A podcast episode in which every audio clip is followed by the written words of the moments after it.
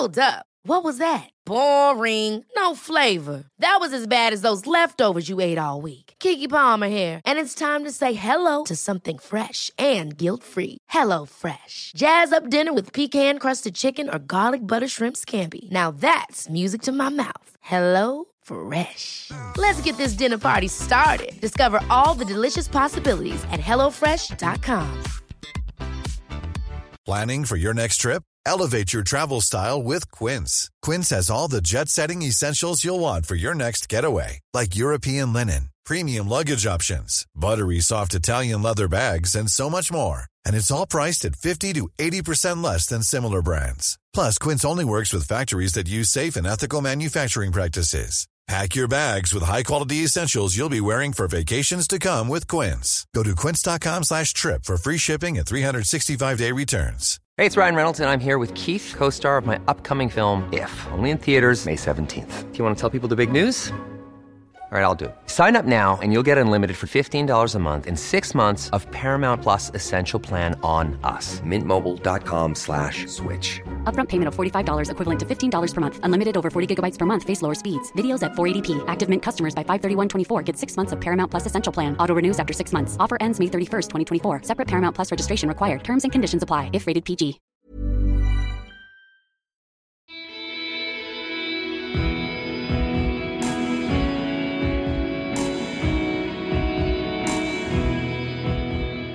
Velkommen til en ny episode av Kaptare podkast.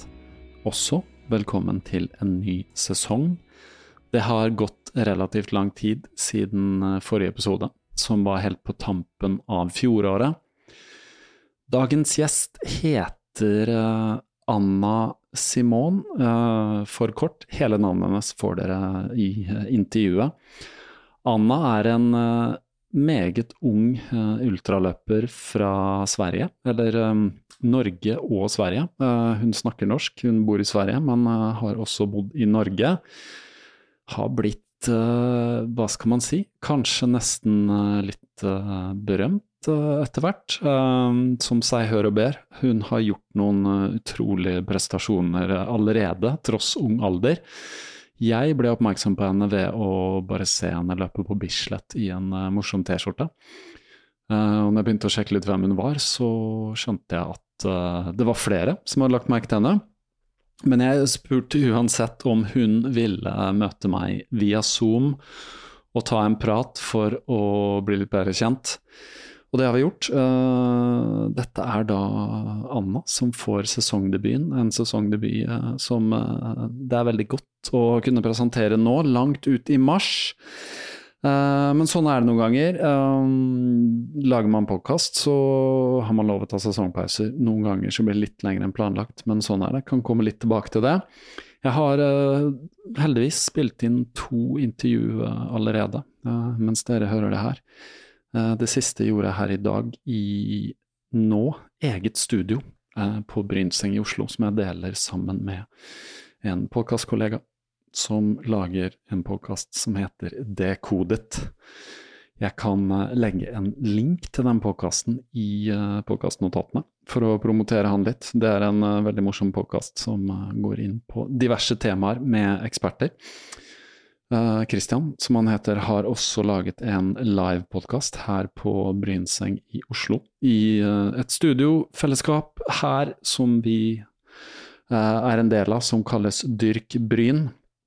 Veldig morsomt at vi har fått mulighet til å lage podkaststudio her. Så jeg sitter her i dag for første gang og spiller inn. det er pussa opp relativt godt lydisolert.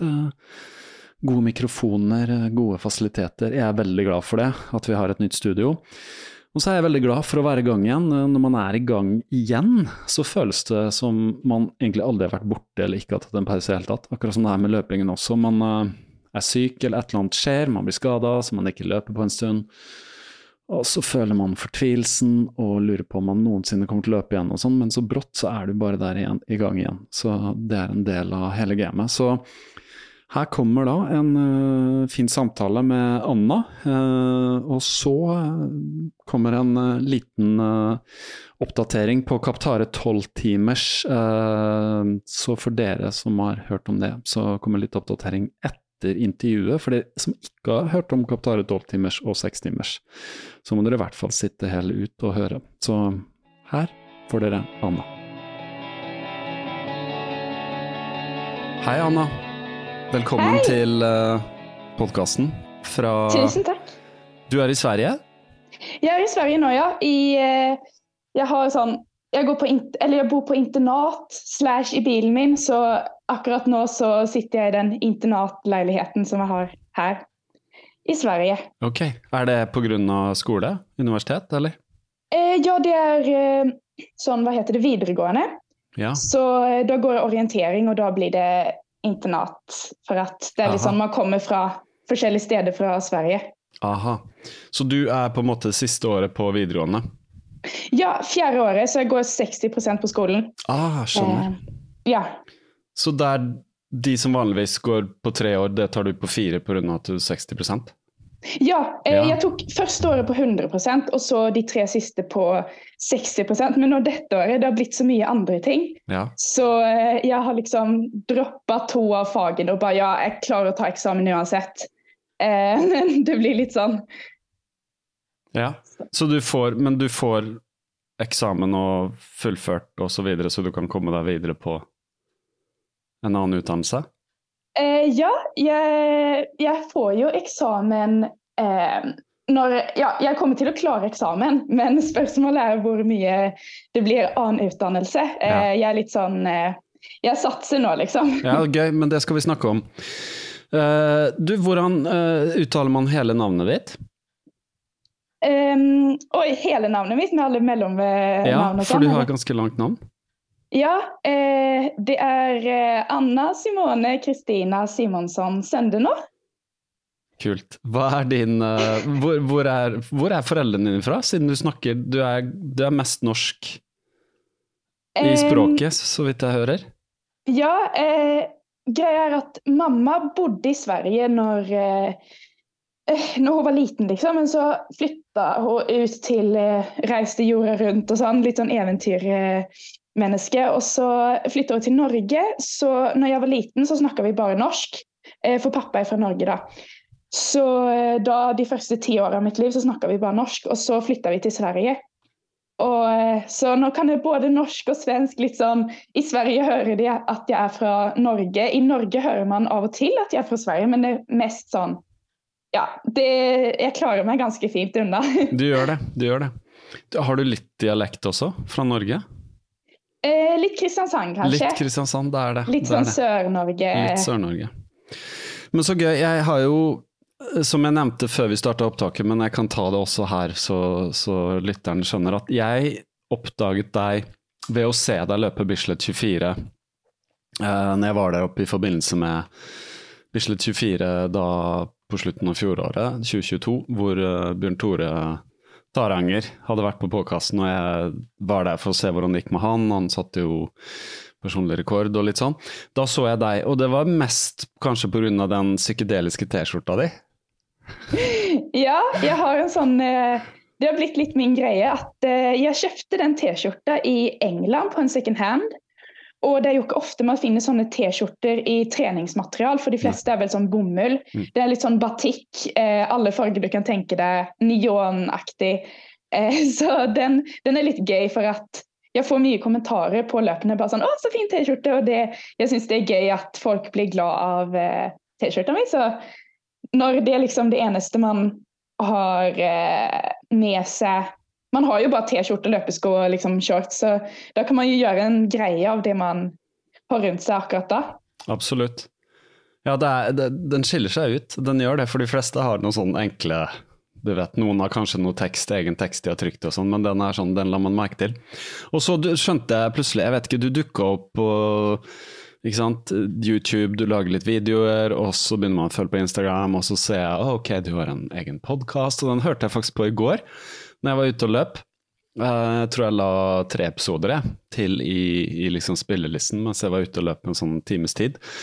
Eh, veldig kult. Du har både monologer og intervjuer og sånn. Er det noe du gjør fast, eller blir det litt sånn når det passer seg? Greia, Jeg har jo veldig mye annet med sånn skole, og så vil jeg gjerne prioritere om eksempel om noen vil ha en intervju med meg, eller sånn, da vil jeg gjerne prioritere tiden til det. Så egentlig den podkasten den starta jeg bare for at jeg liker å snakke mye. Og da tenkte jeg at ja, men jeg kan vel starte en podkast. Sånn, jeg trenger ikke å ha sånn veldig fast hver uke og alt sånt der. Og så kom jeg på den geniale ideen at når man har en podkast, da kan man invitere folk. Mm. Og så kan man få lov til å snakke med andre. Og da så tenkte jeg at ja, men denne podkasten kan jeg bare liksom bruke for å eh, snakke med kule folk og liksom dele det med andre, for at det er jo veldig gøy. Men jeg oppdager at det er så vanskelig å intervjue. Jeg prøver liksom mitt beste, men også få til lyden og alt sånt. Altså det, det, er veldig mye vanskeligere enn hva man tror. Jeg har jo bare opptak på mobilen, eh, så det er ikke noe sånn veldig utvikla. Det som jeg satser mest på, det er liksom YouTube og Instagram. Mm. Der legger jeg veldig mye tid. og mm det er litt vanskelig å rekke YouTube også, for det tar liksom fire-fem timer å redigere en ti minutt video. Ja. Eh, men eh, jeg prøver å legge mye tid på det. Og så når jeg finner noen som jeg synes er interessant å intervjue, bare ja, da inviterer jeg til podkast, og da legger jeg ut en episode, eller Det er veldig vanskelig å få så mye som jeg vil si ut på f.eks. Instagram eller YouTube, for det mm. blir fort kjedelig. Eh, men på en podkast så kan man jo bare gjøre noe samtidig. Det er litt mer sånn Man kommer litt nærmere meg om jeg snakker selv, på en måte. Mm. Da får man mye mer Ja, man kan kjenne meg mye bedre da, på mm. en podkast. Det er sant. Man kommer mer i dybden. Uh, YouTube er litt sånn Jeg, jeg titta på en video her også i dag tidlig, hvor uh, Det var kanskje den siste du har lagd. Hva jeg spiser på en dag, eller liksom hvor mange Ja, det var litt sånn video. Ja, hvor du viser liksom frokosten, og så løper du. Og det er jo interessant, da. For det er jo kanskje Det er kanskje mange som lurer på, faktisk. Fordi når man løper mye, så handler det jo veldig mye om det handler jo bare om å få inn veldig mye kalorier, da, veldig mye energi. ikke sant? Det er jo veldig mye ut, betyr veldig mye inn. Så det er jo det er vel en utfordring kanskje rent sånn uh, praktisk også, da, at du, du, løper mye, så du må spise mye også? Ja, jeg liker, det, greia på YouTube blir det veldig mye forskjellig. Det blir liksom fra løp, det blir litt sånne ting. Og så bare får jeg en tanke, en idé, og bare Ja, men nå skal jeg gjøre det. Og så tenker jeg at jeg kan jo ikke bare vise hva jeg spiser på en dag. Jeg må jo liksom jeg må jo gjøre all in, så da eh, regner jeg liksom sammen hvor mye det ble. Og sånn. Mm. Og, og, så ble det veldig mye, og da, det var litt gøy å vise hvor mye man egentlig trenger. For det kan jo være sånn om folk eh, Ja, noen tror at det er bedre å spise mindre om man løper ja. for at så da kan man liksom vise det at ja. jeg er liksom en jente på 19 år, jeg spiser 5300 kalorier på en dag. Mm. Eh, og ja, jeg løper mye, men eh, man kan jo ikke Det viser jo også at man kan ikke spise under 2000 når man holder på å trene mye. Det går ikke. Nei, det er sant det du sier der. Jeg bare tenker litt sånn på Vi skal gå litt inn på bakgrunnen din, men det er jo i din alder så er det jo uh, Hva skal jeg si? Altså, du er jo den generasjonen hvor veldig mange har vokst opp med internett, YouTube, Instagram, ikke sant. Og veldig mange er til stede, da. Og det jeg ser, at det er veldig mange som har den, selv om jeg klarer ikke å følge så godt med på den generasjonen, fordi ja, du vet logaritmen og de jeg følger er kanskje litt eldre og sånn, men det er veldig mye sånn hva jeg spiser på en dag, og hva gjør dette for det og dette, og det er veldig mye sånn guider, da. Uh, så er du er du inne i den verden? Ser du hva andre driver med som på en måte ikke er løpere, som er opptatt av andre ting og snakker om mat og sånne ting? Er, det, er, er du på en måte, Har du oversikt over det, eller har du ikke tid? Um, greia var at Før så var jeg litt mer der. Eh, når jeg lærte meg litt om sånn Når jeg begynte å løpe, da visste jeg ingenting om noe som helst, nesten. Så da trengte jeg liksom å få litt tips fra rundt omkring. Og så ble veganer, og det kanskje ble litt sånn Jeg visste liksom ingenting, og da det Da gikk det Og det gikk ikke så bra, og så Ja, så man lærer seg litt på veien sånn. Mm. Eh, og det kan jo være både positivt og negativt, da. Mm. Som til eksempel eh, hvis noen sier at du kan ikke spise det, du kan ikke spise det. Eh, da Ja, til eksempel sukker. Det er jo veldig mye sånn sukker er livsfarlig. Mm -hmm. Og uh, den trodde jeg litt på før. Mm. Og så når jeg begynte med ultraløping, jeg var nei, det, dette går ikke. liksom. Jeg må ha sukker for å, eh, for å klare å løpe så mye. Så det er liksom sånn, Man kan lett gå seg vill i det, men eh, ja, man må bare lære seg på en måte. Det, det, er nesten best å gjøre den 'learning by doing' når ja. det kommer til det. Eh, bare man ikke går seg helt liksom, ned i kjelleren. Ja. Har du, har, du, har du, kjent på det? At du Du nevnte det å ha blitt veganer og sånne ting, og det er jo litt sånn i forhold til, Jeg vet ikke hvordan du har vokst opp, men i forhold til hvordan jeg har vokst opp Jeg er også veganer og har vært i hvor lenge nå? Nå er jeg liksom på åttende året, da. Eh, og før det vegetarianer, mange år pesketarianer, liksom helt fra tidlig 20-åra og sånn. Så da, da, visste jeg jo ingenting. Det var jo som folk var sånn Altså, jeg husker jeg hørte om veganisme på slutten av 90-tallet. Så forbandt jeg det med Altså, det, det, var så far out at jeg kunne ikke skjønne at det var mulig engang. Selv om jeg på en måte levde mer eller mindre vegetarisk, så var det sånn Hæ, hvordan ikke spise egg eller ost? Det, det er ikke mulig. Det, det går ikke an engang. Altså, så du bare avskrev det med en gang. ikke sant? Men så kommer det mer informasjon, og så skjønner man, og så tar man inn informasjon, så tester man litt og sånn. Men var du sånn, kasta du litt ut i det, eller hvordan fungerte det? Ja, Kom det litt hjemmefra, eh, eller? Ja, greier at jeg har alltid vokst opp med mine foreldre spiste sånn raw food og sånt. De var mm. liksom enda verre. Mm okay. det var liksom eh, Ja, det, jeg vokste opp med det. Eh, så jeg spiste nesten aldri kjøtt, egentlig. Og når vi bytta til vegankost eh, når jeg ble veganer, det var liksom nesten ingen forskjell. Mm. Men og så utover det, liksom med skolen og sånn, det var litt forvirring, så det var derfor det ikke ble bra for meg å bli veganer akkurat da. Men nå funker det jo veldig bra. Mm. Eh, og nå når jeg har lært meg mer på en måte at når man er veganer, man kan fortsatt spise sukker. Eller ja, litt sånn. Ja. Det blir litt for mye identitet rundt det. Ja. Eh, så nå når jeg har liksom latt den identiteten være, og ikke være helt sånn jeg er Anna veganer. Mm, mm. Så da, da, ble det mye lettere å bare ah, OK, en veganer trenger ikke å være på en viss måte. Man trenger ikke å man trenger ikke å liksom sette ut ordet der i verden at alle må være veganer. Sånn. Jeg var mm. kanskje aldri sånn, men jeg følte at det ble litt sånn Å ja, hun er veganer. Hun vil at alle andre skal være veganere. Det ble mm. litt den synen. Men når man bare lar det være, mm. så merker man at det er ikke så mange som tenker sånn. Helt enig. Akkurat du nevner noe veldig viktig der, tror jeg. Identitet. For det vi forbinder altså Med en gang man bruker ordet veganer, så er det sånn Det er en identitet, og det blir veldig sånn bås-ting. Og så er det litt lada i forhold til at For at jeg jo har kjent på det her eh, i mange år, og det går jo egentlig helt fint nå, men det var sånn før. Altså, noen oppfatter det som om Er du imot, liksom Er du imot det jeg spiser, da?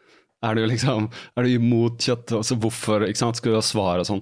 Så jeg har vært i mange på en måte samtaler hvor jeg måtte bare forklare da, hva det handler om, og da går det alltid greit. Men uh, jeg, jeg, tror du er inne på noe når du sier identitet. Så hvis man kaster litt sin egen identitet og sier at ok, jeg spiser liksom Jeg trenger ikke kalle det veganer. Derfor er det gått veldig over til at mange sier plantebasert, og da blir det plutselig veldig bredt spekter. da.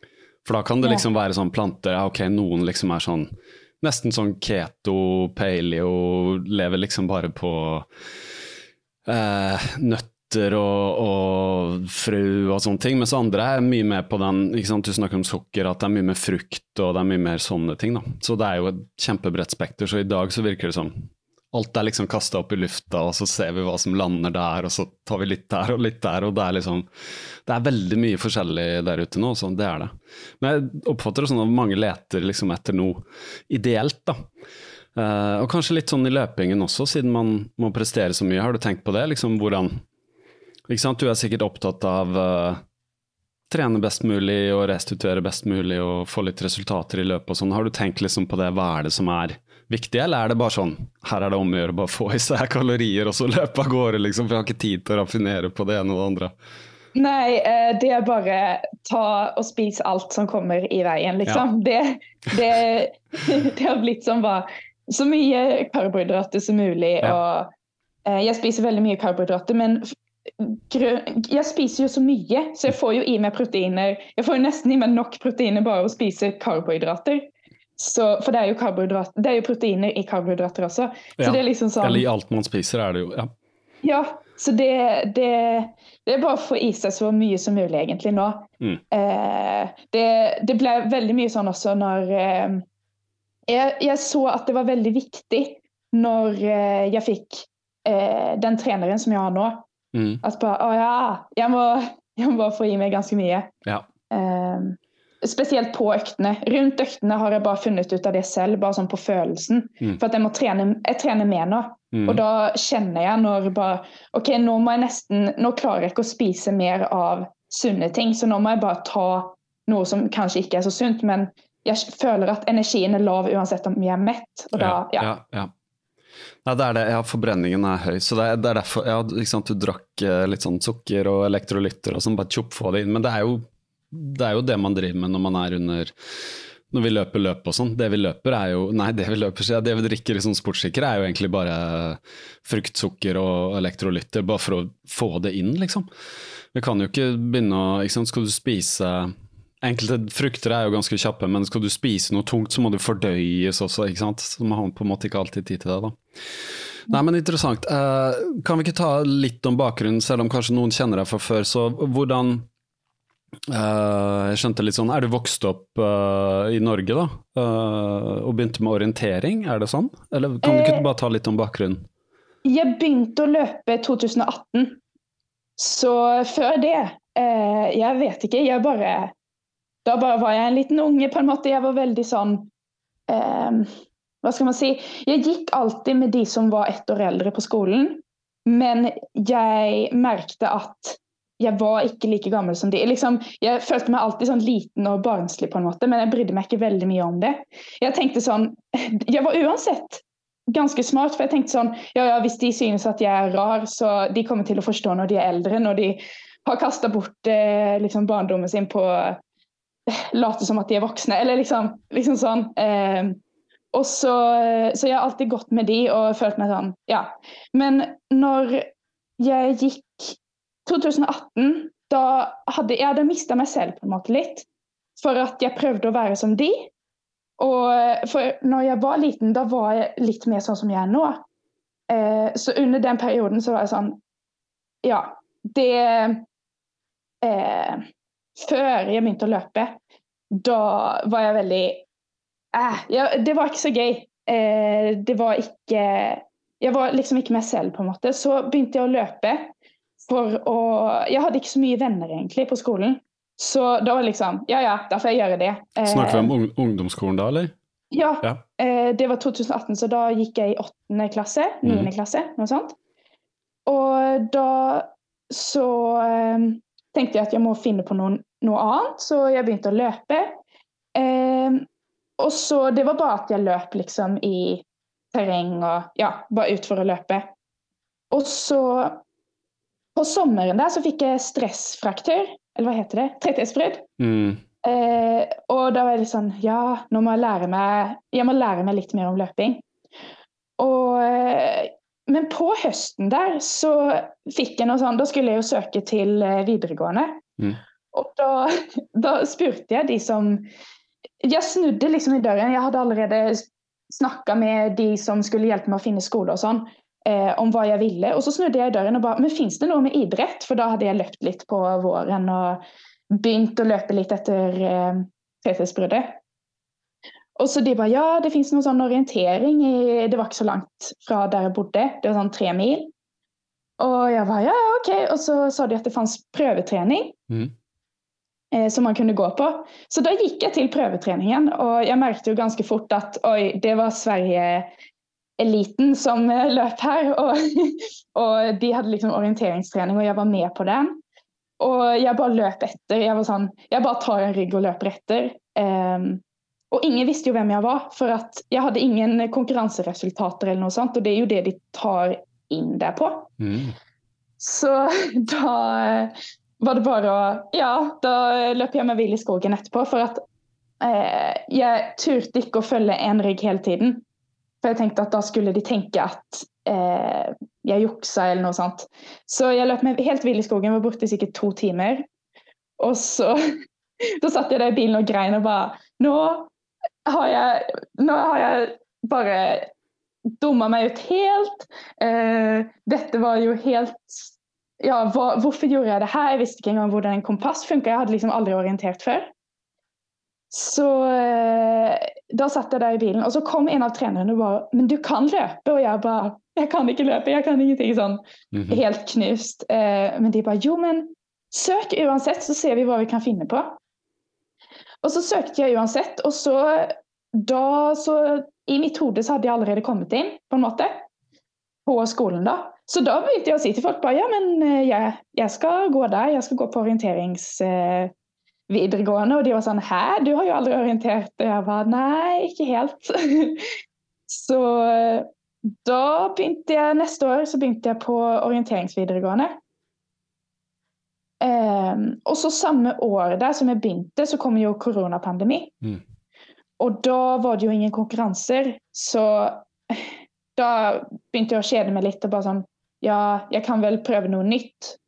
Og så var det noen som skulle løpe noe sånn backyard.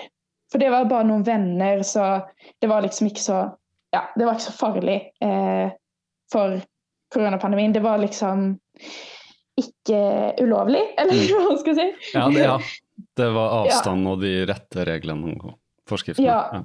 Noen backyard jo, kunne jo slippe unna koronapandemien. Og da tenkte jeg at jeg skulle være med på det, og bare se hvor mange runder jeg klarte.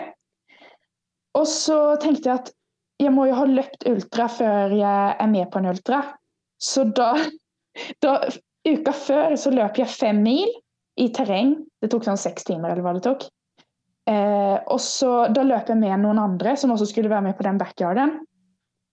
Og de ble helt eh, ferdig etter liksom Én måtte bryte etter tre mil, og eh, han andre han eh, var helt ferdig etter liksom Eller sånn på midten. Så jeg bare Å, dette klarer jeg jo veldig bra, egentlig. Mm. Så da på den backyarden Jeg tror jeg løp ti runder som 16-åring. Um, så da følte jeg at jeg har egentlig noe det, det, her var veldig gøy. Ja. At jeg klarte det. For når man er bra på noe, da føler man jo at det, Man får jo mestring. Og så skulle jeg jo satse på orientering. Fikk litt sånn kjeft fra orienteringstrenerne, for jeg skulle jo egentlig satse på orientering. Jeg bare ja, det er sant, jeg skal satse på orientering. Um, så da kan man jo ikke holde på med ultra. Så ja, jeg ble litt sånn Ja, skal jeg jeg, jeg, skal jo ikke Jeg begynte å gjemme økter på Strava. Sånn, eh, om jeg løper noe sånn ultralangt, jeg bare OK, jeg må gjemme det, for at det går jo ikke. Og da blir det jo helt feil, for da kan jo ikke trenerne hjelpe om man gjemmer økter og sånt. Det var jo ikke helt bra. For de, eh, de fulgte med på hvor mye du løp, eller de hadde på en måte oversikt over løpemengden? Ja, de var ja. jo trenere, liksom. Ja. Men de sa alltid fra til meg at jeg må løpe mindre, jeg kan ikke løpe så mye, for da blir jeg skada og sånn. Da ble jeg litt sånn eh, jeg vil løpe mer, så jeg begynte å gjemme økter. Mm. Eh, og så fant jeg noen sånn unnskyldninger til å løpe ultra. Sånn, jeg lagde et skoleprosjekt som var at jeg skulle løpe sånn backyard. Og så eh, liksom teste litt forskjellige ting, sånn reaksjonsgreier og sånt. Og uh, bare for at jeg skulle få lov til å løpe ultra, for da måtte jeg jo gjøre det for skolen. Mm. liksom. Mm. Uh, og de var sånn Ja ja, sånn er det. Og så Jeg holdt meg uansett vekke fra ganske mye ultra til jeg ble 18, for at uh, Så forrige året, da. 2022. Eh, for at de fleste ultraløp er jo 18-årsgrense på. Mm. Men så da kjente jeg at nei, nå må jeg bare gjøre det jeg syns er gøy. Eh, for orienteringen ga meg Orientering er gøy, men det gir meg liksom ikke samme zest, eller hva man skal si. Det, det, er ikke samme følelse av det. Mm. Um, hva, kan du forklare litt uh, Jeg kjenner jo til orientering, men hvordan, hvordan uh, Hvilke avstander snakker du om når du løper orientering? Det er jo på en måte i terreng og sånn det òg, men du løper fra post til post, da? Og følger ja. et kart? Eh, det er sånn cirka, uh, sånn cirka fire, fem, seks kilometer. Ja, det er kort, altså? Ja. ja det er litt sånn det er det. Gjør det fort? Ja, ja, det tar jo en liten stund. Det tar jo sånn det tar en, en stund før du må finne fram og sånn. Ja. ja. Eh, Men det er sånn litt sånn intenst når du først løper, så må du komme deg Ok, nå vet jeg i hvert fall at jeg skal den retningen, så da kjører man på, ikke sant? Ja, og så er det veldig forskjellig fra terreng til terreng og mm. litt sånn. Det er litt sånn Man konkurrerer på ny arena hver gang. Ja. Eh, så man kjenner ikke terrenget nei. i utgangspunktet? Nei, ikke sant. Mm. Og sånn spesielt tidsløp er jo det helt motsatte. Mm. Eh, og det er det jeg virkelig brenner for. Så da blir orientering litt feil, på en måte. Mm. eh, I hvert fall I hvert fall om jeg skal gjøre orientering som, som konkurranse virkelig Ja, for om man bommer, da er det pga. hjernen og ikke pga. kroppen. Det er liksom Ja. Jeg får ikke samme konkurranseinstinkt til det. Mm. Men eh, så sa jeg ifra til de jeg hadde, de orienteringstrenerne jeg hadde, at nei, jeg vil eh, holde på med ultra. Så 2022, da begynte jeg sånn med ultra på ekte. Og det gikk jo fort ganske bra, egentlig. Så da ble det gøy. Ja. Du hadde Ja, du må ha til grunnlag, men det er én ting jeg bare tenkte å spørre om når du fortalte om at du begynte å løpe og sånn, uh, mens du var på ungdomsskolen ennå. Hvor kom den impulsen fra at du skulle begynne å løpe? Jeg vet ikke. Av og til så får jeg bare sånn Ja, nå skal jeg gjøre det, og da gjør jeg det, og så blir jeg helt hekta. Mm. Um, jeg vet ikke helt. Det bare blei sånn. Jeg bare dro ut og løp, og så var jeg der og bare Ja, hva holder jeg på med? Jeg vet ikke helt, men uh, Det, var Jeg det kom god naturlig på et vis? ja, jeg ville liksom bli god på noe. Ja. Jeg ville Jeg hadde jo ikke så mye å Det eneste jeg hadde, var gode karakterer. Mm. Og det var sånn Jeg synes ikke dette er så gøy, egentlig. Så jeg ville bli god på noe annet. Mm. Så du var flink på skolen, men det var på en måte ikke det som var det viktigste for deg? Eller? Går det an å si Ja, det? Ja. jeg var veldig flink på skolen. Mm. Eh, Jeg hadde liksom sekser i alt. Oh, ja. Og eh, det var ikke så bra. Det var veldig sånn, Jeg ble veldig sånn Hva skal man si? Du liker å gjøre ting ordentlig når du først gjør det, så du, du studerte mye eller likte å lese og gjøre det ordentlig? Så Ja, du- men jeg ble veldig stressa av det, for jeg Ja. syntes ikke at det var gøy, egentlig. Nei. Det var bare det eneste jeg var bra på. Så Det er, eh, jeg har en datter selv på ungdomsskolen, så jeg, ser jo forskjellen fra hun gikk Hun er åttende klasse nå, så hun begynte på ungdomsskolen i fjor, da. Det er jo helt annet mm, Altså, nivå er nå én ting, men på en måte krav, da. Syns det er veldig mye krav. Jeg kan ikke huske at liksom, på ungdomsskolen så følte jeg gjorde ikke den eneste lekse, jeg bare dukka opp og liksom Ja, og det gikk helt fint, men nå virker det som å, det er så mye, og det er liksom hele tiden prosjekt, og det er hele tiden noe. Opplevde du det også sånn, at det var liksom mye Skolen blir mye, eller? eh, fra Jeg begynte på skolen når jeg var Hvor gammel var jeg? Jeg begynte ett år tidligere i Norge. Så i Mm. Norge begynner man jo på skolen fra man er fem til seks. ikke sant? Oh, ja. Så jeg begynte det året som jeg ble fem Mm. på skolen. For jeg var sånn Jeg sa til mamma at bare om jeg ikke får lov til å gå på skolen, da må du ha skole for meg. Jeg var sånn veldig Du var klar? Ja. Og jeg gjorde sånn prøve sånn for å komme inn tidligere, og de var sånn Ja, eh, hun kunne ha begynt i tredje klasse, liksom. Ja, ok. Så i halve, det første halve året av første klasse, da gikk jeg på bare vanlig sånn kommunalskole.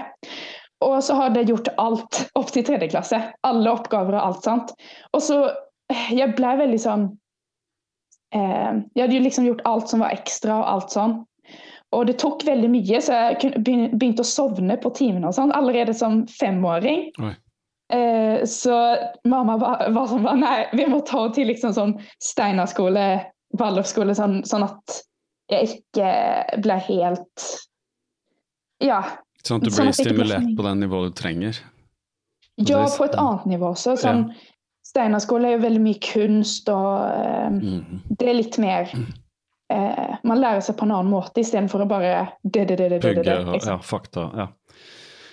Interessant. Så- Har du da gått på Steinskolen? Du begynte på Steinskolen? Ja, jeg begynte på Steinerskolen, og så når jeg flytta til Sverige, så begynte jeg på Waldorf. Mm. Og det er som Steinar, Mm. bare at det er mer musikk innrikt, eh, sånn Istedenfor kunst, så er det mer musikk og sånn. Mm. Og så i sjette klasse, etter halve sjette klasse, da begynte jeg på vanlig eh, sånn kommunalskole. Ja. Og da gikk det utfor. Det var ikke bra. Ok, hva skjedde da? Eh, det var da som Da mistet jeg meg selv og alt det der. Det var, ja. Da ble jeg for jeg, jeg kom jo til skolen med liksom eh, Jeg hadde sånn fargerike bukser, Mm. fargerik genser, var helt sånn spinnvill. Mm. Sånn som Waldorf Ja. Waldorf-unger er, for at vi har Vi har vokst opp med å være sånn Ja, vi skal være oss selv, på en måte. Mm. Og det er meg selv. Det er liksom å, være, å ha mye energi og alt sånt der. Så jeg mista liksom litt energien og ble litt så, mer som de andre. Mm. Um, Konform, er ikke det det kalles? ja. Ja, det, ja.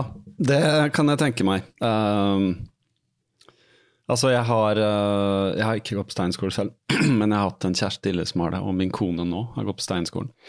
Uh, og de var kunstnere, eller min kone er kunstner. Så i tillegg til å være styreleder i en organisasjon, også, så det er liksom administrative også der. Men, uh, og det jeg kjenner til, er at ja, det er jo en veldig sånn fri utvikling. Jeg har faktisk lest også biografi om Rudolf Steiner og var interessert i tingene før. Så det er, det er litt annerledes. Um, har det forma deg, tenker du, der du er i dag?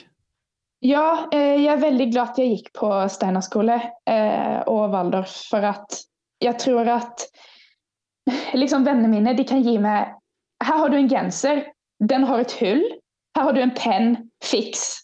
Og så, Da kan jeg bare fikse genseren med penn. Liksom. Jeg kan finne på måter å løse problem som ikke de som Ja, som jeg merker at de som har gått på Waldorf og Steinar, mm. eh, som jeg har i min nærhet, de kan gjøre det samme.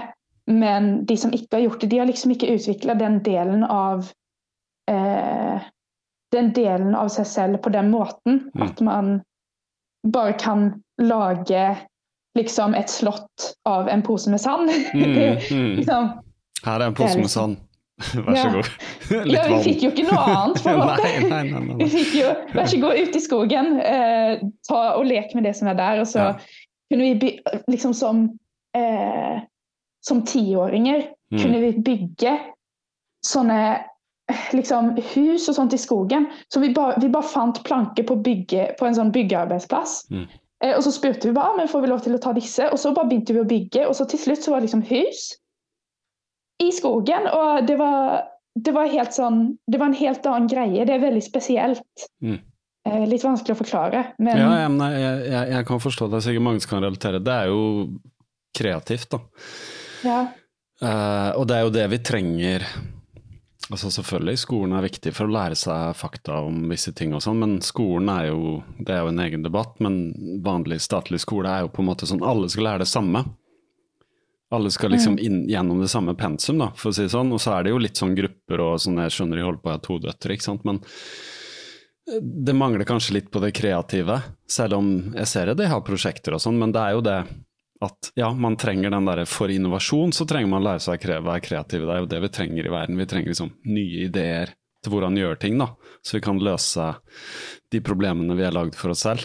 I, i, ja. Med liksom mekanikken da, og, og, reduksjonismen og det vi holdt på med i mange, mange hundre år, liksom. Så ja. Uh, jeg tenker, eh, er du Har du liksom et syn allerede på uh, hvordan på en måte barn vokser opp i dag, kontra Jeg vet ikke hvor godt du kjenner til liksom historien, men det var jo sånn da jeg var liten, ikke sant. Altså på 80-tallet gikk jeg på barneskolen, da. ikke sant? Så gammel er jeg. Så var det jo også sånn at foreldrene våre var sånn ut og lek. Og så var det ikke noe sånn hvor er de, liksom. Det var bare sånn kom, kom, hjem til middag, liksom. Og det var sånn når de andre barna, større barna sa at det var middag, da gikk man kanskje hjem. Men det var også sånn vi gikk ut i skogen og liksom holdt på og sånn, og så var vi ikke redd for noe, egentlig. Men i dag så virker det som det er mye mer sånn angst for liksom, nei, vi kan ikke la barna gå ut fordi man vet alt som kan skje. da. Tenker du på det? Er det litt sånn i dag at det er mer sånn foreldre prøver å Det er jo godt ment, selvfølgelig, men passer vi på å kontrollere mer og, og sånt på barna i dag? Tror du det? Har du tenkt noe på det? Ja, jeg tror at det kommer fra sosiale medier. At vi har sånn tilgang til informasjon. Eh, og at alle de ting som skjer, de skjer på Eller de blir ut, ut, i sosiale medier. Så uansett om det ikke er så mye, så blir det veldig mye når man liksom samler de på ett sted. Mm. Eh, og man ser jo sånn at eh, foreldre setter barna foran en iPad når de er to år, liksom. Mm. Og jeg på Jeg begynner å lure på sånn hvordan hjernen, hjernen utvikles når det blir så mye skjerm og så mye det blir så mye inntrykk, på en måte. Mm. Eh, for det er så mye man kan ha i en skjerm. At det, det, er jo ikke rart at det blir angst, for at det er så mye informasjon at mm. det går ikke å håndtere, og da blir det jo til angst. Angst mm. er jo ikke en følelse, det er jo eh, en kombinasjon av eh, liksom for mye følelse. -hmm. Um, ja, det er vel følelsen av ikke kunne håndtere liksom alt som man tenker skjer der ute, da. Alt skjer jo der ute, konstant, ikke sant? Mm. Bare for å definere det, liksom. Tenk på verden, ok, der vi er liksom sju milliarder, eh, ikke sant. Alt skjer jo hele tiden, men i dag får vi vite om det gjennom ja, du sier sosiale medier, men også nyhetsapper, da. Jeg husker ikke jeg var sammen med noen her om dagen som hadde ja, så drakk kaffe med to jeg kjenner. Og den ene hadde sånn Jeg hadde telefonen liggende, da, for var, det var på en måte midt i arbeidstiden, så han kanskje fikk noe telefon med. Så det poppa opp sånn nyhetsvarsler, da. Fra mm. forskjellige apper, liksom, sånn hele tiden. Måtte jo respondere på det, men selvfølgelig gikk ikke inn på det. Men hvis du får vite sånn Katastrofe skjedde der, det skjedde der, og det skjedde der, og det skjedde der, så blir det jo litt sånn da blir man bomba litt med inntrykk. Så for min del har det gått litt motsatt. Jeg har bare måttet redusere på disse tingene. ikke sant? Ja. ja. ja så klart man blir redd når eh, det skjer farlige ting rundt omkring, men man vet jo ikke om det om det ikke hadde vært for telefonen. Jeg ser jo aldri på nyhetene. Eh, og eh, jeg har aldri gjort det heller. Vi har liksom ikke vokst opp med det. Og jeg tror at man blir jeg tror at Hvis man skal ha telefonen rundt seg hele tiden Det finnes jo veldig mye positivt som kommer ut av sosiale medier. og sånt, At man lærer seg ting. Jeg kan ha en eh, Jeg kan liksom i fremtiden jobbe med sosiale medier, og det er veldig gøy å bare dele ting. Mm. Men man må også være veldig forsiktig, sånn at man ikke blir enten hekta eller blir for redd eller ja, sånne ting. Mm. Ja. Men litt tilbake til løpingen. Det, det er bare, jeg syns det er litt gøy å snakke med deg, for du er en annen generasjon. Du er ung og har et annet syn på ting og ser ting fra et annet ståsted. Altså. Men litt tilbake til løpingen. Nå, hva, hva, har du gjort egentlig sånn i din korte løpekarriere? Så virker det som du har gjort veldig mye. Uh, man får inntrykk av det. Men du har allerede løpt Bislett 24 timer. Ja. Det er jo imponerende som 18-åring, eller er du blitt 19? Hvor gammel er du nå? Nå er jeg blitt 19, ja. ja. Men det er veldig imponerende. Du ser jo snittalderen der er jo ikke akkurat 20, eh, liksom. Den er jo Så du har kommet veldig tidlig inn i ultra. Uh, og jeg skjønner at det kommer fra litt sånn overskudd og glede, og det virker som du er liksom veldig uh, Ja, du, du, har det som trengs, da. Men uh, Uh, hva har du gjort, bare sånn rent konkret? Hva, det har jo gått litt gradvis. Du sa jo noe backyard og sånn, men hva har du liksom Hva har du gjort? Um, før, jeg kan jo si det jeg har gjort dette året. Ja, ja. For at før, det er allerede det inne i, sånn- vet ikke, i mars. eller, eller, jeg mener forrige året, da. Ja, altså, ja, 2022. Ja, ja. ja, for at uh, årene før var det mer sånn litt sånn backyard, litt sånn bare løpe til Pandemi, ja. ja. ja ja, pandemi og alt sånt der, så mm. da ble det ikke så veldig mye. Men eh, jeg har løpt noen løp dette året. Hvor mange blir det? Sånn ca. fem, kanskje? Eller forrige året. Ja. 2022. Ja. Det er ikke så viktig med nyttår. nytt år. Nei, liksom. nei, nei, nei, nei. Men det var tid, liksom. Ja, ja, Relativt. Uh, nei, men jeg begynte med um, et 24 Jeg ville løpe et 24-timersløp. Det var liksom det var det jeg begynte med. Gå ut hardt, liksom. Eh, så jeg påmeldte meg på et 24-timersløp i april 2022. Eh, og løp det. Det var Sverigemesterskap i Veksjø. Mm.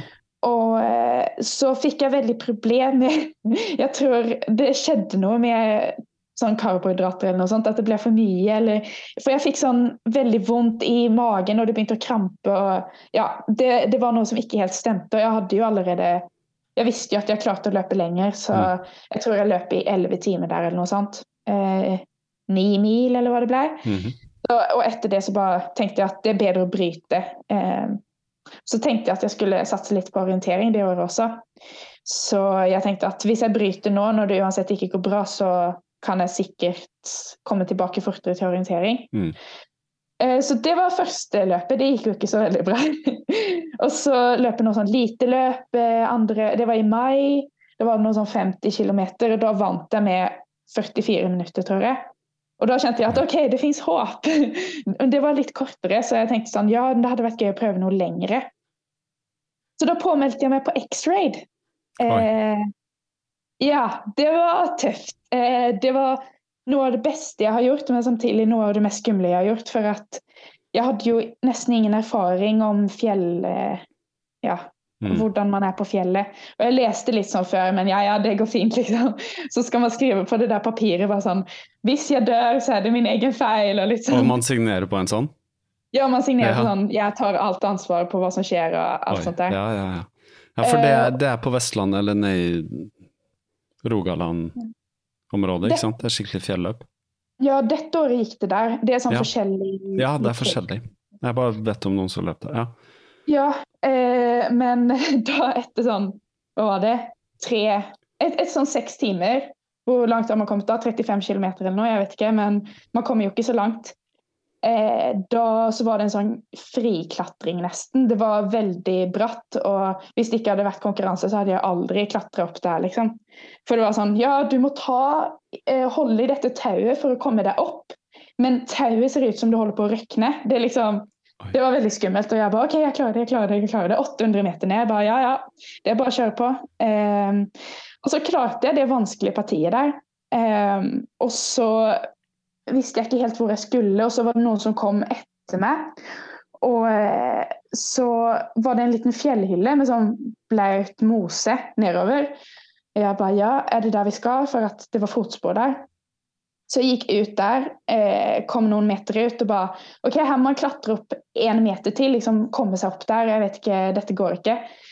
Så jeg snudde, og så, og så var det bare eh, Så kom det noen bak meg og bare Jo, det er dit vi skal, det er dit vi skal.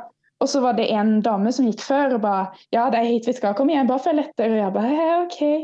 Um, og så hun bare ja, vi må klatre opp her. Og jeg bare ja, men det er én meter opp, og det er bare en rot du kan holde deg i hvis du skal opp. Hun bare ja, ja, det går bra.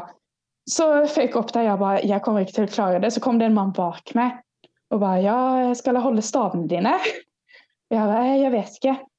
Og så plutselig så detter hun. Det hadde jo regna. Så hun bare glei ned og skrek, og jeg bare nå dør vi. For det er jo ingen sjanse at hun ikke For vi sto bak henne. Mm. Så hun hadde jo dratt med seg begge to. Uh, men uh, heldigvis så klarte hun å fange seg opp igjen. Da trodde jeg at jeg skulle dø. Det var, det var skummelt. Ja, det Eh, hørtes, det hørtes faktisk dramatisk ut. ja, det, det var veldig ah, Jeg bare fortsatte det løpet, sånn ganske blinde. Og så eh, var jeg på første aid station, sånn etter 45 km. Det tok sånn tolv timer, og jeg bare Ja, jeg holdt på å dø, men det går greit, liksom. Og så var det bare å gå inn i natta. Og da begynte det å slå meg, liksom. Bare, Oi, hva, hva var jeg med om for tolv timer siden? Mm. For da var jeg oppe der på fjellet. Det begynte, å, det begynte liksom å tordne lenger bort, og jeg bare Å, nå kommer torden også! liksom sånn. Det var helt storm, regna nesten underifra for Mm. at det var var så mye regn og vind. Mm. Eh, og så jeg bare Nei, jeg må bare stoppe, for jeg ble sånn Shit, jeg holdt på å dø. liksom, Det Mm. kom etterpå. Ja, det kommer litt sånn ja, Eh, reaksjon, ja, så- reaksjon. Ja.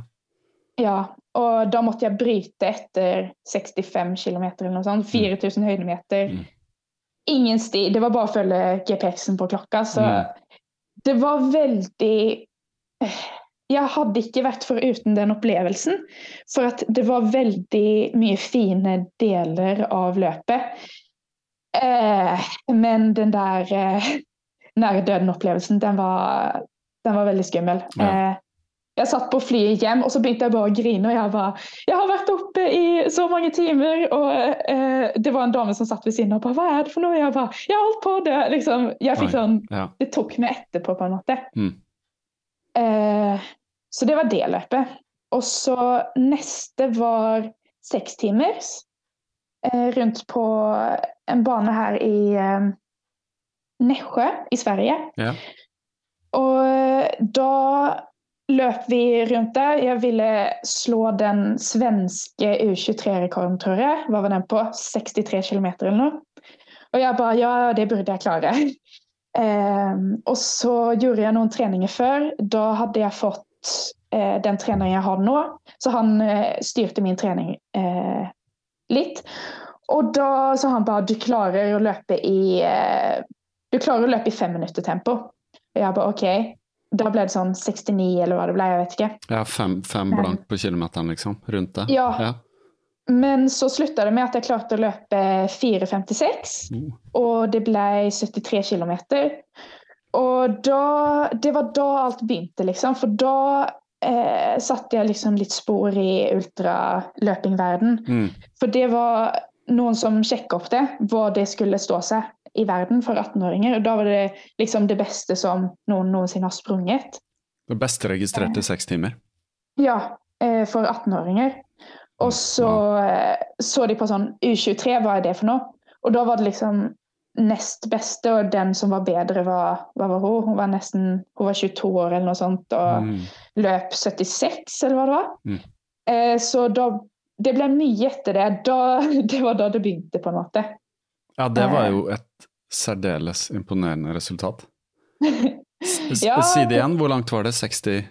Eh, jeg løp 73. 73. Ja, 73. Wow. Jeg har også løpt sekstimersløp på 57, så wow. 73! Det er, det er bra, altså. Det er jo rutinerte løpere. Uh, ultraløpere sånn relativt rutinert løper jo de distansene på sekstimers. Ja, de sjekker opp liksom hva skulle det vært i uh, For alle damer i Sverige gjennom tidene. Da skulle det være sånn el- ellevte eller noe sånt. Ja. Så det var nesten topp ti, og det var ganske kult. Ja, det er kult. Eh, jeg trodde ikke jeg skulle klare det selv. Og eh, jeg husker at jeg fikk vite dette sånn tre dager etterpå, så jeg visste ikke hvor bra det var før noen dager etterpå. Jeg bare Oi, det var jo veldig bra! Eh, så Så da, ja. Ja. det var et lite skift da, kanskje at du ble sånn wow. Hva, hva, Ja. hva ble neste Når var dette i fjor? Var det, det var september. september, ja. Ja. Eh, og så ble det Bislett. Ja, det var 24. Bislett, det var jo ikke lenge etterpå, det var jo Nei. oktober, slutten av oktober, er ikke det? Ja, Ja. så Jeg gjorde egentlig ingen satsing mot seks timers. Det var bare en sånn eh, ja, mellommål for eh, 24 timers på Bislett senere. Mm. Så det Så- var det. Så, så Bislett, uh, Bislett hadde du hørt om? Det kjente du til? Eller hvordan fikk du høre om det? Det var greia var at etter det første 24-timersløpet Jeg bare nei, jeg måtte påmelde meg igjen. Så direkte etterpå det så eh, lette jeg etter nye løp. Ja. Og da vet jeg ikke hvorfor, men jeg ville til Norge og løpe i Norge eller noe sånt. Jeg vet ikke hva mine tanker var. Men jeg bare påmeldte meg på det. Og det var jo Billettene de eh, gikk jo tom på tre dager, eller hva det var. To-tre Mm. dager. Ja. Og det visste ikke jeg, men jeg klarte å akkurat der når jeg bestemte meg for å påmelde meg, så var det liksom akkurat da man kunne påmelde seg for å få plass. Så ja, det var litt meningen, kanskje. Ja, det var, ja, du visste ikke det, at det var eh, Det er sånn kjent da, at Bislett 24 blir lagt ut, og så er det selges ut ganske fort. Og så er det mange som driver og selger og bytter og holder på, da. Men eh, Mm. ja. Men da var du Nei, heldig da, at du fikk eh, god timing på det. Ja, Mm. jeg visste ikke at det var, det var sånn, liksom. Ja, det er stort, det. Det er stort arrangement. Ja, Ja, jeg så det når jeg kom fram. Og bare, ja, ja det, er, det er liksom et dette var gøy, det. Ja, det er, det er fest, det. Ja, det var nå, hva er det de kaller det? Norges lengste julebord, er det det de sier? Jeg tror det. Ja, Ja. gjør det. Så ja, men da hadde du ikke fullført et 24, da. Så da Nei. hadde du vel litt uh, Hva hadde du ambisjoner om da? Ehm, jeg er veldig tøff i trynet, egentlig. Så, så jeg setter ofte veldig høye mål. Og jeg tror at jeg satte sånn Om det hadde vært gøy å nå 200. Mm. Det er vel ikke så vanskelig. Nei da, det går bra. Eh, Nei da, det går bra. Så jeg løp jo, hva løp jeg, 100 miles? Ja. 162,6 eller noe sånt. Um, men uh, Du var- klarte jeg 100 var- miles, det er mange som har det som mål på Bislett 24. Ja, jeg var jo ikke skuffa. Nei. Eh, for at jeg visste jo at jeg har jo ikke gjort dette før, så jeg hadde jo høyt mål, men eh, når det ble som det ble, så var jeg uansett fornøyd med det. Ja. Hvordan eh, var det som erfaringa, å løpe så lenge, eller ha et så langt løp og gjennom hele natten og alt det der? Um, jeg innså jo at det var vanskeligere enn uh, jeg hadde trodd. Uh, så ja, det var, jo, det var jo bra erfaringsmessig, for at det var et Det gikk ganske greit i syv timer. Og så ble jeg veldig kvalm. Jeg vet ikke om det var noe med luften der, på en måte. For at jeg merket at når jeg kom opp for den bakken, da var det veldig dårlig luft der. Da ble jeg litt kvalm. Og så når jeg kom ned igjen, så var det greit. Eh, og så I, i, I svingen der hvor det dupper litt ned, er det god lufting. For det er bare noen sånne ståldører, eller sånn metalldører rett ut. Alltid mye kaldere der på vinteren, men når du kommer, du tenker på, så kommer du opp den lille duppa, og så mot liksom Der igjen hvor ja, på ene langsiden er det jo matstasjoner, og på andre er liksom holdt på å si sekretariat eller speaker og sånn. Der er det litt tettere igjen, ikke sant?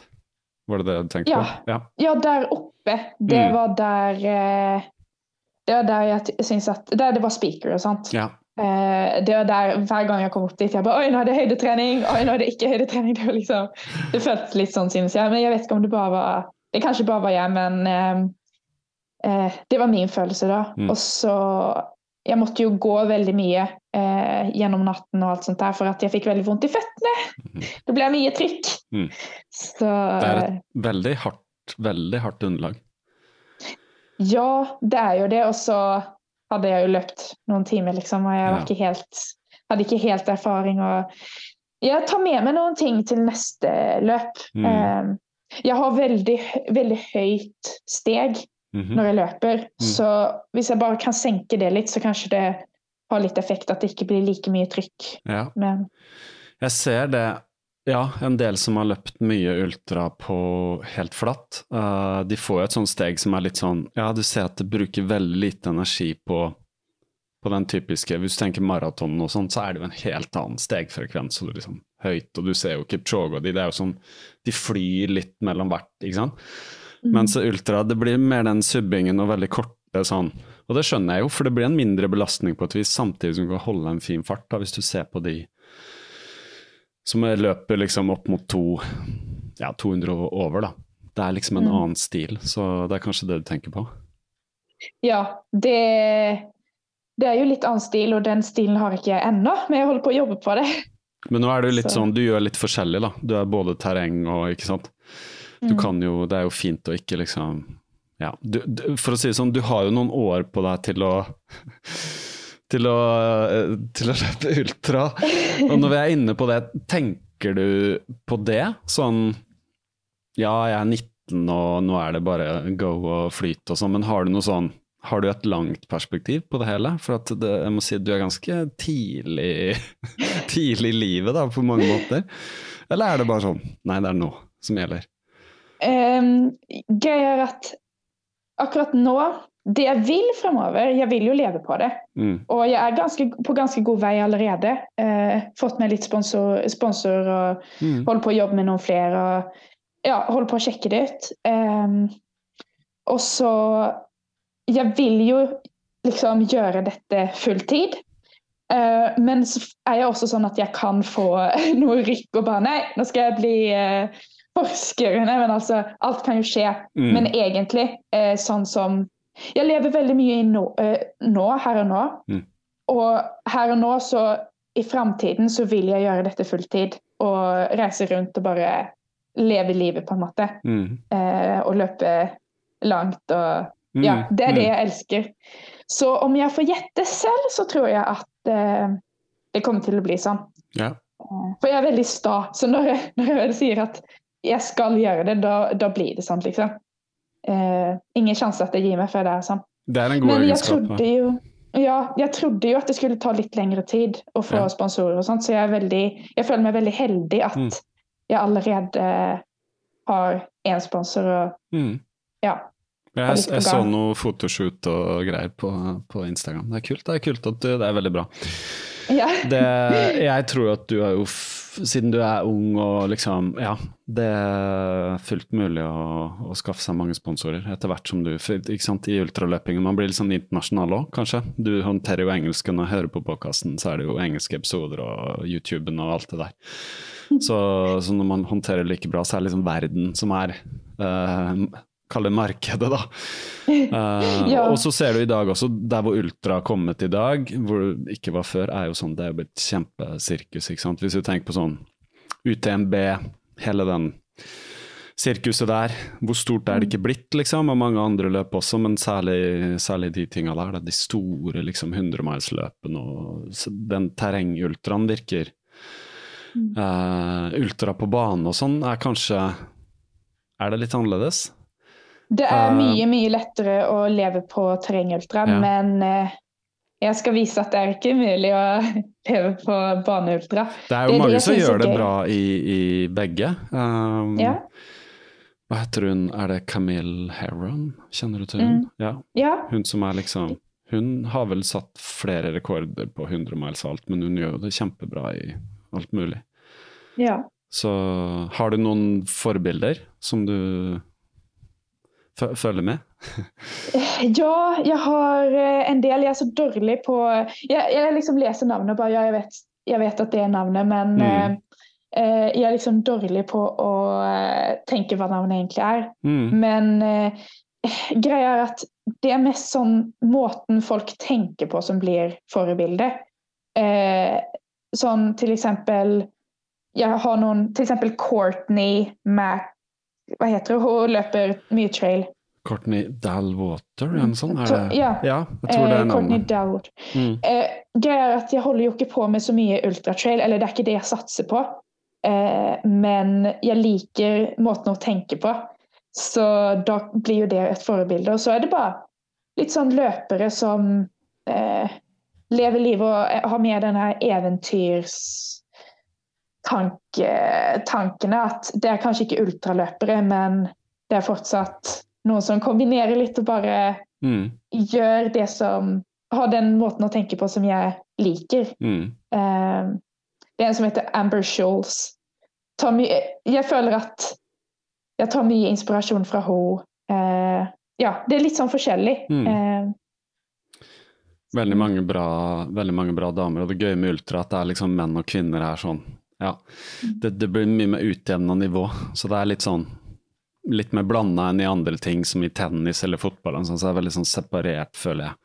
Kvinner og Mm. menn, da, at de deler opp i det. og Jeg hørte til og med i går på en eller annen podkast hvor det var liksom snakk om at i tennis i USA de har forskjellige baller for kvinner og menn, og det er liksom blitt bråk om det. og sånn. Det er veldig sånn tankegang hvor det er veldig sånn separert. Men i ultra så virker det som det er, liksom, det er noe annet, da, selv om det konkurrerer jo selvfølgelig kvinner og menn og sånn også, men eh, ja. Ja, så det, den, det er en annen eh, holdning til det. ja, på konkurransen i Veksjø på sekstimersløpet, da fikk jeg jo tredjepris. Eh, uansett om jeg var først av kvinnene, så fikk jeg tredjepris for at Mm. det var, alt var bare sammen. Mm. Eh, så der var et eksempel på at de har ja, en greie er at på sekstimersløp så er det litt urettferdig, kanskje, eh, for fysiologiske ting og bla, bla. Ja. Men det var uansett Jeg syns egentlig at det var litt gøy at jeg kunne stå der på pallen med eh, ja, to menn. Liksom så. Ja, ja. Det, var, det var, uansett om det ble tredjeplass, så er det mye kulere enn å stå på førsteplass blant kvinner, synes jeg. Men Det er det er litt sånn. Så eh, i forhold til, jeg bare tenkte podkaster, har du noen podkaster du liker å høre på når du er ute og løper? Er det det, Pleier du å ha podkast på øret når du løper og trener og sånn, eller er det noe annen lyd, eller? Eh, Det er litt forskjellig. Eh, Det kommer an på. Av og til så er det sånn Nå skal jeg løpe på mølla, jeg skal stirre inn i veggen, og jeg skal løpe her i tre timer og ikke si en lyd til noen. Mm. Det ene moodet. Andre moodet er sånn Ja, nå skal jeg ut, løpe i terreng. Eh, da skal jeg høre på noen eh, kul podkast. Sånn, det skal være litt opp og ned, synes jeg. Mm. Eh, men da pleier jeg å, å høre på sånn Pace on Earth. Det er en svensk podkast. Mm. Uh, ultraløping. I det lange løp liker jeg. Mm. Jeg, har litt, jeg har ganske mye forskjellig. Og så det er ikke alltid det er løpepodkaster heller. Det kan være litt sånn humorgreier og Mm. ja, litt sånn forskjellig. Det er veldig mange å ta av, selvfølgelig. Ja, podkaster er gøy. Jeg Ja. begynte å høre på denne podkasten uh, i går, så Ja. det, jeg syns at det var veldig bra. Ja, morsomt. Jeg har jo vært igjennom, jeg har holdt, nå har jeg holdt på noen år, så det har liksom vært litt sånn Det har vært litt forskjellig. Mm. Jeg snakka mye løpere, men snakka med folk som ikke nødvendigvis er løpere heller. Så jeg prøver å si at det er en podkast om livet med løping, eller livet som går i bane rundt løping, da. Ja. Uh, men jeg er sånn som begynte å løpe seint, eller jeg, jeg løp som barn på barneskolen for det med friidrett, men da var det et helt annet forhold til det. Eh, Så begynte jeg å løpe igjen som eh, du vet, når, man er, når jeg er rett før jeg ble 40 år, og gjenoppdaga liksom den gleden. da. Så det, det kom litt ut av det, at jeg oppdaga at liksom løping kunne være noe annet enn sånn jeg forbandt med å være barn og liksom trene for å løpe, du vet, vi løp sånn 800 meter og sånn, det er jo grusomt. Det var sånn Ut der og bare beina går og liksom bare kjenne på den grusomme melkesyra. Jeg hater jo det, ikke sant, så i dag er det annerledes. Uh, Ja, nei, men gøy. men Det, er- det- det, er masse, det er masse kule løpere som har vært på denne podkasten også. Uh, mange Mm. fine folk.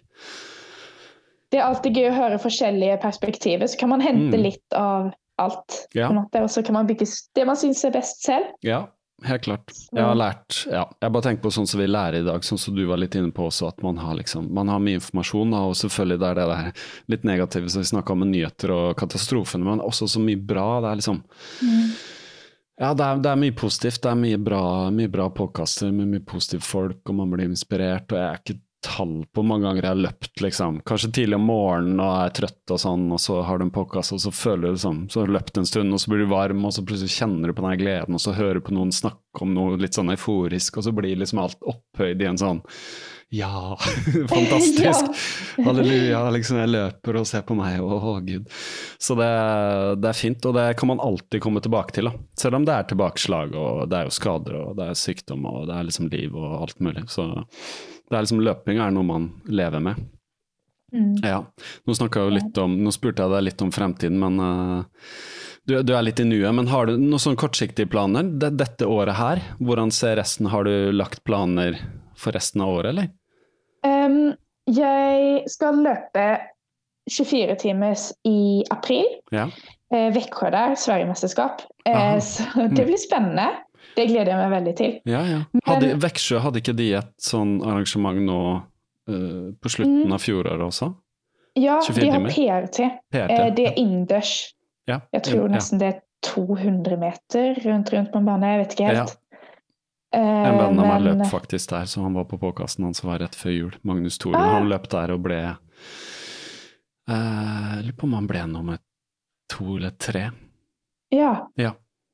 det er, eh, det er veldig bra. På Jeg så han. Alfons hadde vært på din Ja. påkast, for han snakka om han Alfons fordi at han skulle slå han, eller var liksom, han måtte motivere seg. Så jeg så at ja, du hadde hatt han på påkasten. Han var også veldig ung, så vidt jeg forsto.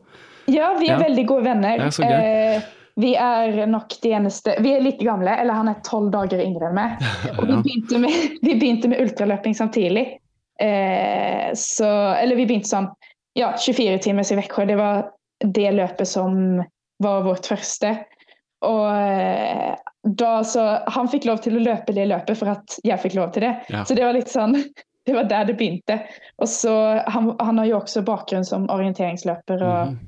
Vi har vært på litt sånn orienteringskonkurranse sammen. og ja, Det er veldig gøy å ha en som er i samme alder som løper ultra, for at han, han gjør det jo veldig bra. Mm. Eh, Imponerende. så ja, det, han løper jo 208, tror jeg. Mm.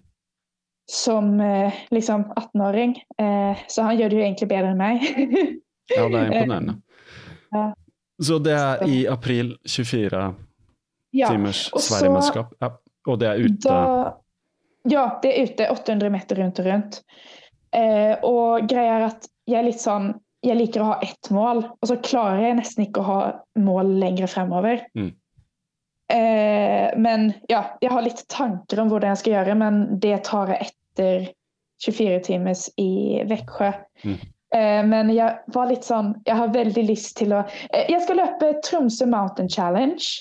Det skal løpe, men det blir liksom ikke sånn veldig konkurranseinstinkt, for jeg skal holde foredrag der også.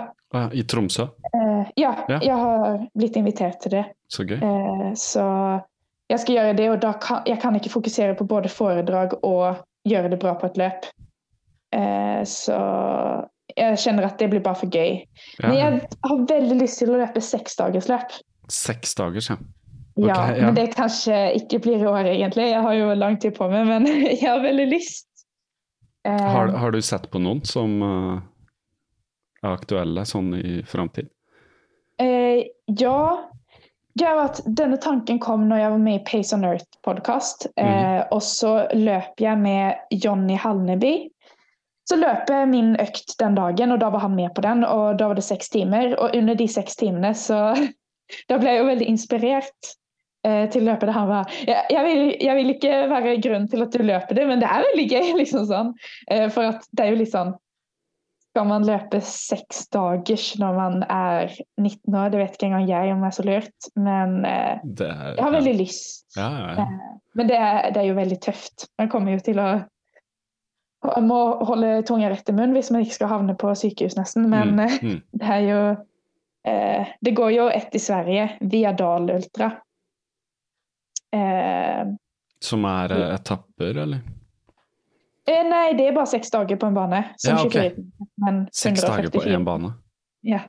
Men 144 timer istedenfor 24. Oi, oi, oi. Ja, det, Eh, det er vanskelig for meg å liksom skjønne omfanget, eh, nesten. Da må Ja. man jo sove innimellom og sånn. Det kan umulig bli mye søvn, da. Nei, ehm, jeg vet ikke helt. Jeg har ikke Jeg har ikke diskutert dette med eh, så mange folk, Nei. for at eh, det er ikke så smart. Men eh, det, jeg har veldig lyst, og så får vi se om det blir dette år eller neste år. Men ja. uh, det ser veldig gøy ut, da. ja. ja. det er i hvert fall en seriøs test av utholdenhet, vil jeg si. Høres ut Ja. som. Men først er det 24 timer. Ja. Først er det 24 timer, og så får vi se hva som skjer etter det. Hvis ikke du hadde Jeg hørte det var i april. Når i april var det? Hvilken dato? Eh, 29. til 30. Ja, ok. Det er jo litt gøy med ultra, for man bare Ja, hvilken dato er det? Så er det liksom over to datoer. Det, Ja. Hver gang jeg For- sier det, så blir jeg sånn Ja. Jeg, jeg tenkte på, ikke sant, for at vi uh, skal arrangere et tolvtimers, sekstimers og tolvtimers løp 15. april.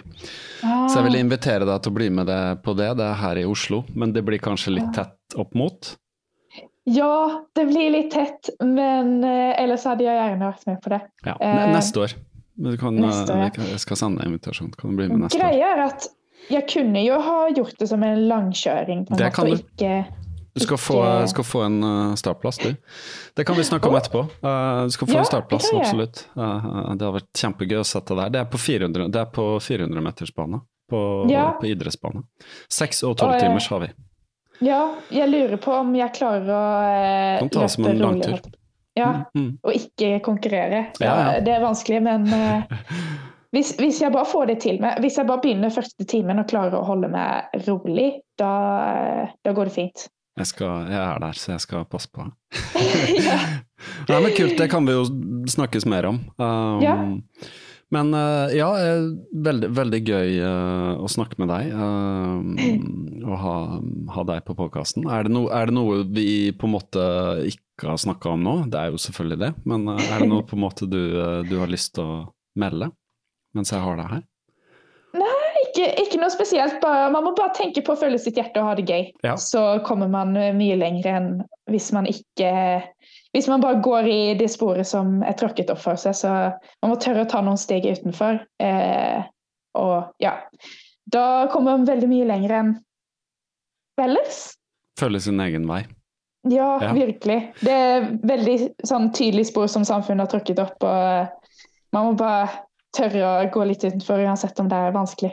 Det er godt råd. Jeg tenker at det er uh, mer krevende i dag, siden det er færre på en måte hvite flekker på kartet enn før. Eh, Ja. det, det er så mye som er gjort, men det er kanskje derfor på en måte ultra og sånn utvikler seg veldig, fordi det er mange som ser etter de utfordringene, da, som er sånn, liksom grensesprengende, men mest for sin egen del, kanskje. Før Ja. så var jo maraton den ultimate distansen, liksom. Og så, så fant noen på å løpe ultramaraton, og så var det helt hinsides, liksom. Så nå er det ikke det lenger, så vi sprenger jo grenser hele tiden. Men jeg kan jo spørre Ja. om én ting, da, siden du som hadde en litt sånn filosofi Le Leser du? Er du opptatt av litteratur eller filosofi eller noen sånne ting når du først skal hvile, for det må du også? Jeg har eh, nok aldri lest en bok i hele mitt liv, frivillig, tror jeg. Ok, ok, ja. Men jeg vet ikke, jeg vet ikke hvor tankene kommer ifra. Jeg tror det er at jeg snakker med mye folk, Mm.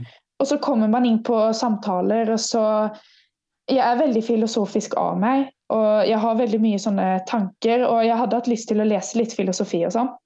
Eh, kanskje på Ja, studere noe filosofi eller noe sånt hvis jeg begynner å studere. Mm. Men det er litt lenger fram, så jeg har aldri gjort det. Eh, men det er veldig gøy. Det, Det det. det som er kult i dag, tenker jeg, er jo at siden alle bøker på en måte er lagd lydbøker av, hvis du går på liksom sånn Den største lydbokappen som jeg har hatt eh, abonnement på i perioder, er den Audible fra Amazon.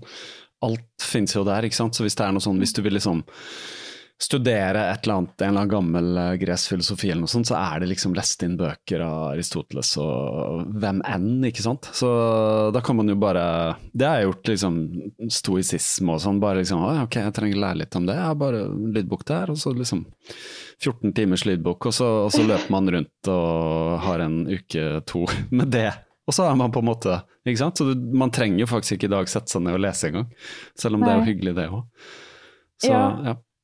Ja, det er veldig sant. Uh, ja, jeg får uh, sjekke ut det. Jeg skal, jeg skal ha sånn tålmodighet at når jeg begynner å tenke, ja. da bare ta det av. Ja. Men når jeg ikke er uh, Jeg kan liksom ikke tvinge meg selv til å, tenke, å ha sånn tank, eh, liksom, tenke filosofisk og sånt der. Så av og til når jeg bare får tanken, jeg bare, nå må jeg bare tenke, tenke, tenke, tenke, og så bare skrive, skrive, skrive. Jeg liker å skrive hvis jeg ja. kommer på noe. Uh, og så Får, du, får du ideer når du er ute på løptur, eller? Ja, ja, ja. Det er jo Av og til så Om jeg har podkast, eksempel. Da løper jeg og hører på podkast, og så er jeg bare Nei, det bare forstyrrer. Det forstyrrer ja. mine tanker. For jeg har så jeg bare, Hva sa de i podkasten nå? Jeg vet ikke, men det føles som det forstyrrer, så jeg må bare skru av. For at jeg tenker på noe annet. Mm. Eh, og da er det, veld, det, er veldig gøy å bare løpe og tenke. Eh, det er det. det, er det. Det, er, det, er, det er noe eget med den De tankene som kommer når man løper, er noe helt annet enn når man er stasjonær, liksom. Mm. Det er mye mer fritt. De, føler, liksom, det er mange som løper, kjenner sikkert på det. At det, det, flyter på en helt annen måte når man er i bevegelse enn når man sitter. Mm. Og, liksom, og da blir man veldig sånn hang up, føler jeg, på én ting. Ja. Um, men jeg har også vært med på den, hører på podkast, og så er jeg kanskje ikke mest interessante podkasten eller episoden. og så spacer man litt ut, som jeg kaller det, og bare følger sin egen tankebane. Så var sånn, Hva sa de? Ja, det var kanskje ikke så viktig. Det liksom bare sånn, Så bare fortsette. Men jeg har også fått sånne ideer som jeg stopper og tar opp telefonen og så bare ha den lydopptakeren som jeg sier en eller annen ja. idé som jeg har, for jeg har ikke noe å skrive på. Sånn, jeg har idé til et eller annet prosjekt eller en podkast eller et eller annet sånt. Ja. Jeg har en sånn uh, lydopptaker som jeg ja. lagde med. Uh, og jeg bare snakker i den, og så, tar, og så hører jeg nesten aldri på det jeg har snakka inn. Men, for jeg husker det uansett, det kommer tilbake. på en måte. Mm. Men uh, jeg er veldig sånn, jeg må bare si det når jeg, når jeg har det i hodet. Sånn, for hvis ikke så kan jeg ikke slippe det. Uh, så det er bra med lydopptaket, det kan man løpe med. Ja, det er det, da. Kanskje en liten en? Er den mindre enn telefonen? Liksom? Ja, ja, den er mindre enn telefonen. Ja. Det er sånn liten.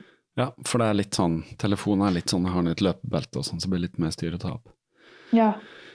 Men eh, veldig kult, Anna. Um, da sier jeg tusen takk for tiden uh, du tok til å spille inn din endte podkast. jeg vet ikke hvor mange. Men uh, det er bare å ønske deg masse lykke til videre, og uh, bare fortsett med det du gjør, egentlig. Du ser ut som du er inne i et veldig godt spor. Og så håper jeg vi ses en eller annen gang. Det hadde vært gøy. Ja. Jeg, jeg, er i Oslo, så du får si fra når du kommer. hvis ikke du får kommet og løpe Kaptare tolvtimers. Men uh, tusen takk igjen. Tusen takk for at jeg fikk komme. Det var uh, Anna, uh, kanskje den yngste ultraløperen jeg noensinne har pratet med, antagelig. Veldig gøy å bli kjent med henne, og veldig gøy å følge med videre. dere finner henne selvfølgelig på Instagram, Anna Simon, Simone. og så er det veldig gøy å kunne meddele at Anna har takket ja til invitasjonen og kommer for å løpe Kaptare tolvtimers, som er eh, på eh, Arrangeres på bane, eh, 400 meter friidrettsbane, Sofiemyr stadion sør for Oslo, 15. april. Magnus Toru og jeg arrangerer. Um, det er link til påmelding i podkastnotatene, hvis ikke så bare googler Kaptare timers. Det er Race Tracker. Uh, hvis dere vil ha en startrabatt, så kan dere få det uh, ved å bli patrions. Der inne ligger det en um, kode, en rabattkode, hvis dere blir patrions, Da får dere 15% rabatt på starten, og det er mye mer enn hva det koster å bli uh, patron, som nå er prisen av en kopp kaffe, eller egentlig mindre, for nå koster en kopp kaffe snart 50 kroner. Så da kan dere bare google uh, Patron Kaptarepodkast, eller bare skrive patron.com slash kaptarepodkast. Det er også reklame for podkasten dette her, og for løpet. Uh, Simen Holvik, venn av podkasten, skal løpe tolvtimers. Harald Bjerke skal løpe. Nå er det jo uh, fortsatt ganske vintrete ute jeg ser av vinduet, men brått så er det vår. og så blir man vårer, så ikke vent nå. Jeg lar den rabatten stå et par uker til. Så hvis dere melder dere på, så får dere det til en god pris. Det kommer til å bli kjempekult. Jeg lover dere. Så nå er det bare å si tusen takk for at dere lytter, takk for at dere deler podkasten i sosiale medier, skriver en liten anmeldelse osv., så sånn at den blir synlig uh, i alle disse algoritmene. Det har vært veldig gøy å uh, spille inn nå uh, to, to intervjuer før jeg slipper dette. Jeg sitter som sagt her i et nytt studio på Bryn forutsetningene for å lage episoder er absolutt til stede, uh, så ofte som mulig, når jeg bare deler dette rommet sammen med en annen. Så jeg ser virkelig fram til denne våren her, både som uh, menneske, som løper, som uh, podkaster, som fotograf, som hva enn det er. det blir gøy. Nå får dere bare ha en god dag videre, god løpedag, og nyt det dere har tilgjengelig. Ha det godt.